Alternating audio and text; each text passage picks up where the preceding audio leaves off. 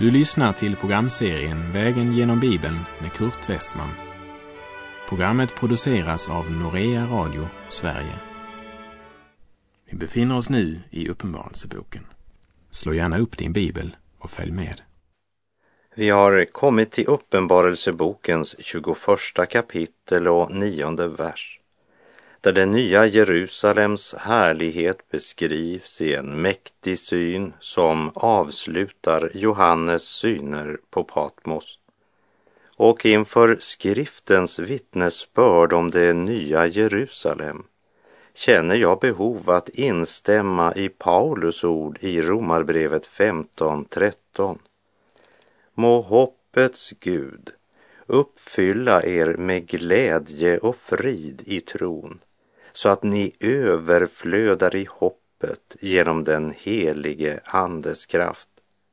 Har många av de tidigare synerna präglats av storm och smärta, kaos och förvirring, så stadfästs här Guds barns underbara framtidshopp. Genom budskapet i Uppenbarelsebokens 21 och 22 kapitel välver evighetshopp evighetshoppet som en regnbåge över vår vardag. Hör tröstens ord från Jesus till sina kämpande lärjungar. Johannes evangeliet 14, vers 1 till och med 3. Låt inte era hjärtan oroas. Tro på Gud och tro på mig. I min faders hus finns många rum. Om det inte vore så, skulle jag då ha sagt er att jag går bort för att bereda plats åt er? Och om jag än går och bereder plats åt er skall jag komma tillbaka och ta er till mig, för att ni ska vara där jag är. Och här i Uppenbarelsebokens 21 kapitel från vers 9 ser vi uppfyllelsen av det löftet när det nya Jerusalem kommer ner från himlen, från Gud och som äger all Guds härlighet. Guds härlighet är all den strålglans som omger Gud i evighetens värld. Och avsnittet vi nu ska vandra genom, det inleds med att en av de sju änglarna som hade tömt skålarna med de sju sista plågorna hänvänder sig till Johannes för att visa honom bruden, Lammets hustru. Och mycket tyder på att det var samma ängel som i kapitel 17 visade honom skökan, den falska församlingen, Antikrists rike. Bruden, det vill säga Kristi församling, hör hemma i det nya Jerusalem. Det jordiska Jerusalem som är världens centrum under tusenårsriket ska inte försvinna, men intar andra platsen i evigheten. Ängeln visar Johannes det nya Jerusalem. Staden som utgör den totala kontrasten till den orena världsstaden Babylon. Liksom Lammets hustru utgör den totala kontrasten till skökan. Vi läser Uppenbarelseboken 21, vers 9 till och med 11. En av de sju änglarna med de sju skålarna som var fyllda med de sju sista plågorna kom och talade till mig och sade Kom, jag ska visa dig bruden, Lammets hustru.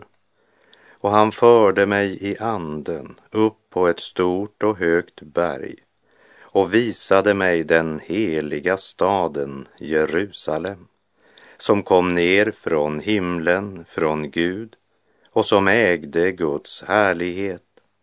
Dess strålglans var som den dyrbaraste ädelsten, som en kristallklar jaspis. Det är ingen tillfällighet att det är en av änglarna med de sju vredeskålarna som visar Johannes bruden, Lammets hustru och det nya Jerusalem För det är ett sammanhang mellan Guds dom över synden och det nya Jerusalem som kommer ner från himlen.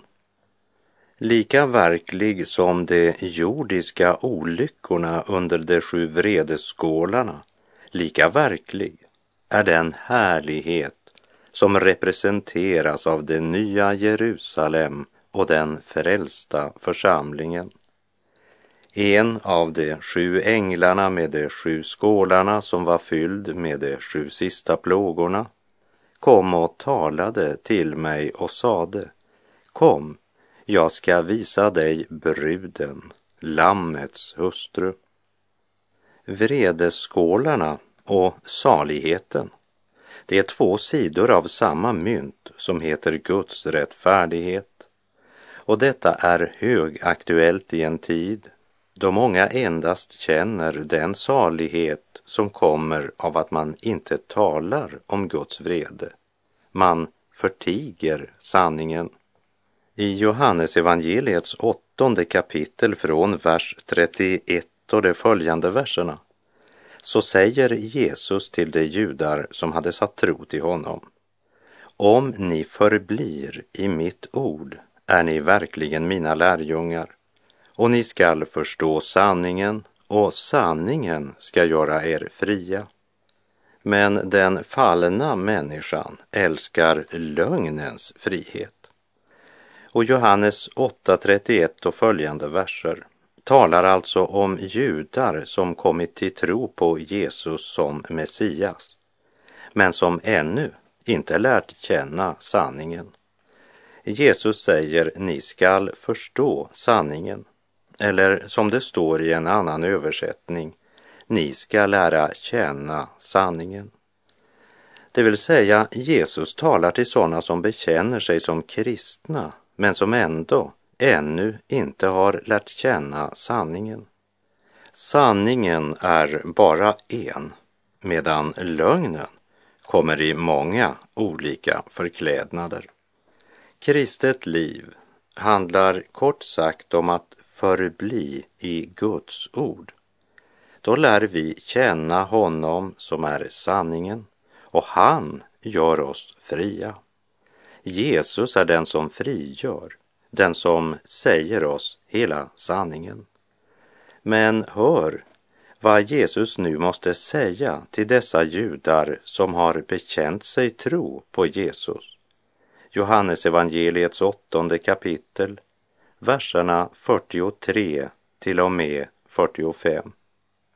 Varför förstår ni inte vad jag säger? Därför att ni inte kan lyssna till mitt ord. Ni har djävulen till er fader och vad er fader har begär till, det vill ni göra. Han har varit en mördare från början och har aldrig stått på sanningens sida eftersom sanning inte finns i honom. När han talar lögn talar han av sitt eget, ty han är en lögnare, ja, lögnens fader.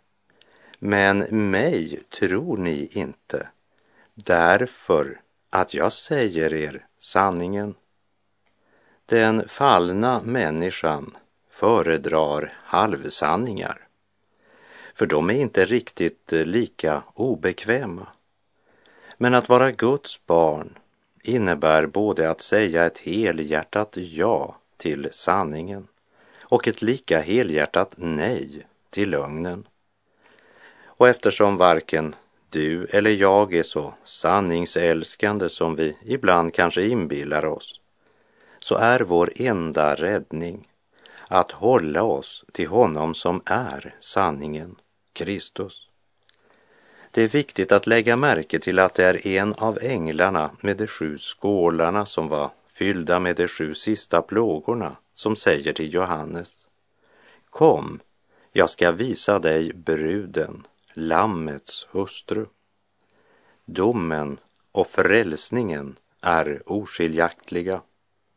Guds rättfärdighet utgjuter vredeskålarna över all synd och ogudaktighet. Och i kraft av denna dom upprättas det rike där rättfärdigheten för evigt regerar. Synden måste vara uppgjord, för det är endast den som har fått sina synder förlåtna som skall ta del i Lammets bröllop. Och ängeln uppenbarar för Johannes vad som är annorlunda med det nya Jerusalem. Den är fylld av Guds härlighet.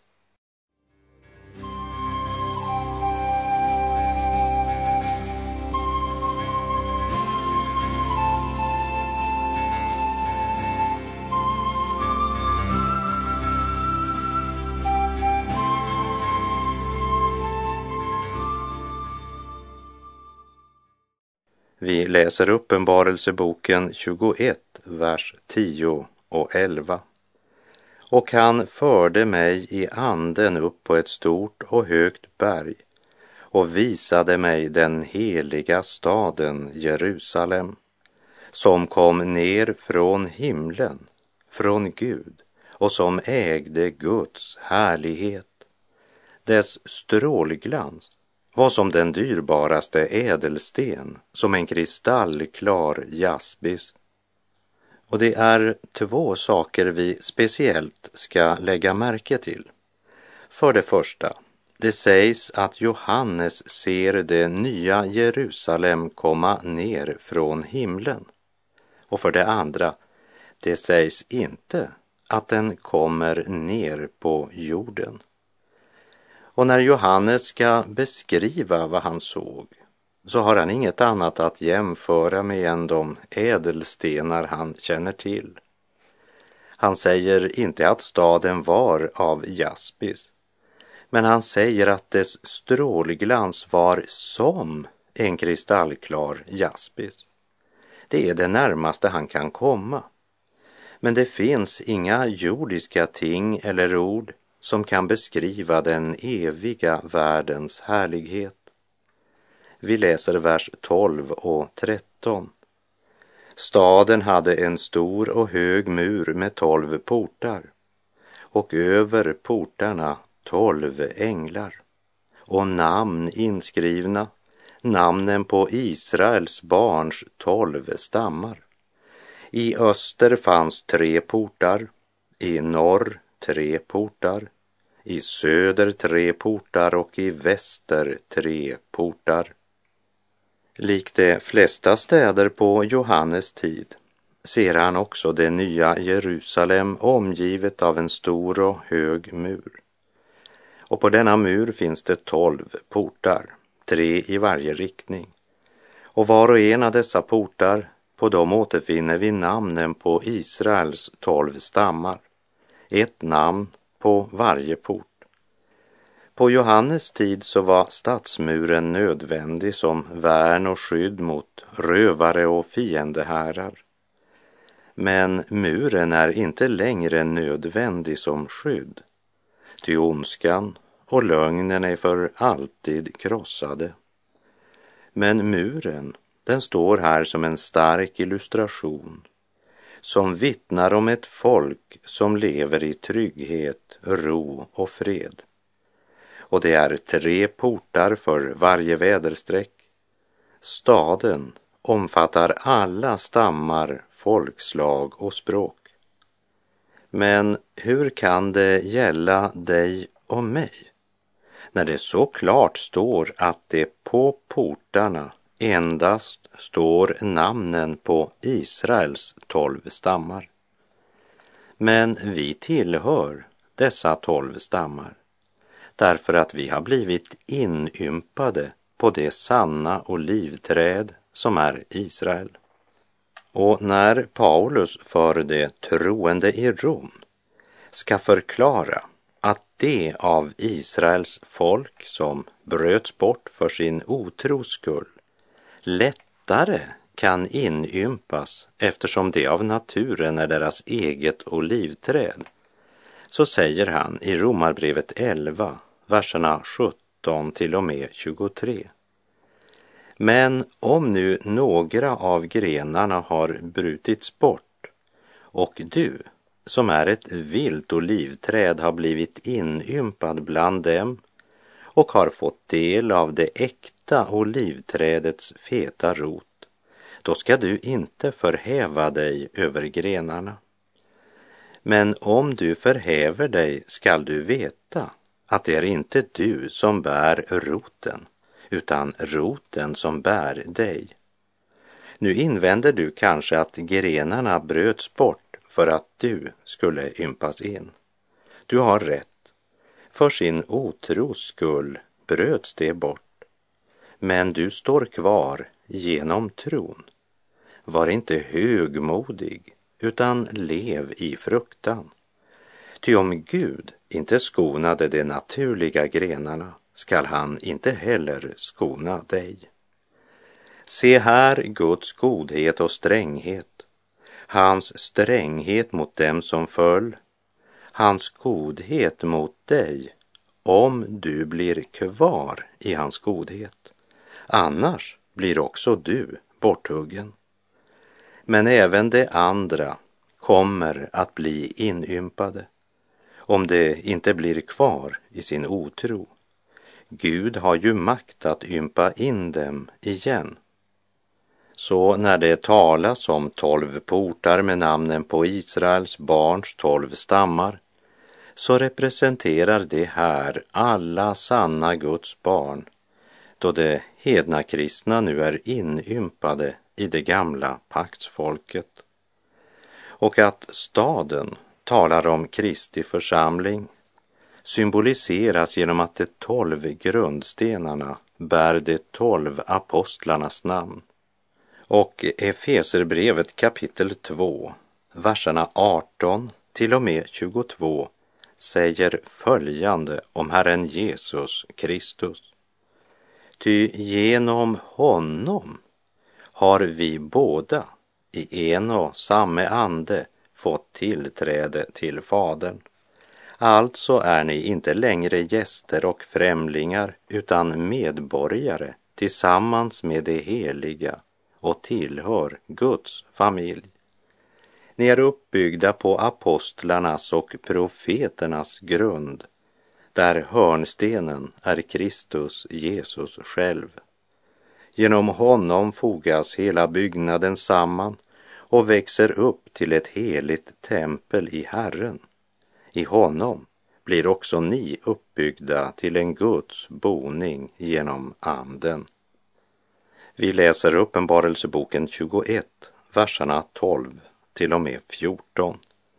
Staden hade en stor och hög mur med tolv portar och över portarna tolv änglar och namn inskrivna, namnen på Israels barns tolv stammar.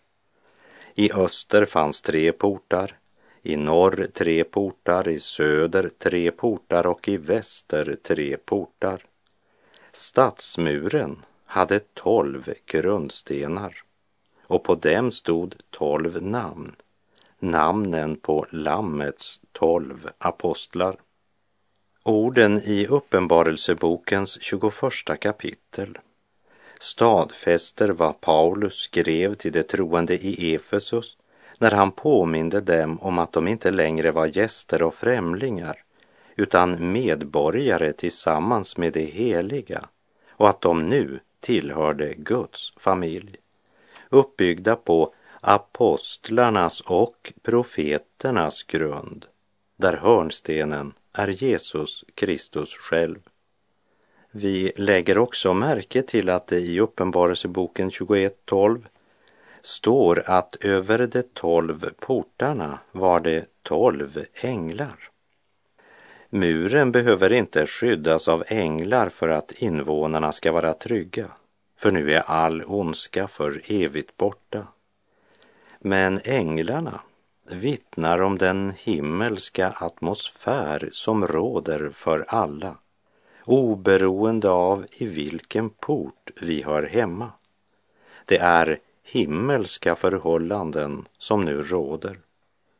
O, vad jubel inför tronen när det frälsta där en gång efter tidens vedermöda stämma upp sin segersång. Vi tackar dig, Herre Gud, du allsmäktige, du som är och som var, för att du har tagit makten, din stora makt och trätt fram som konung.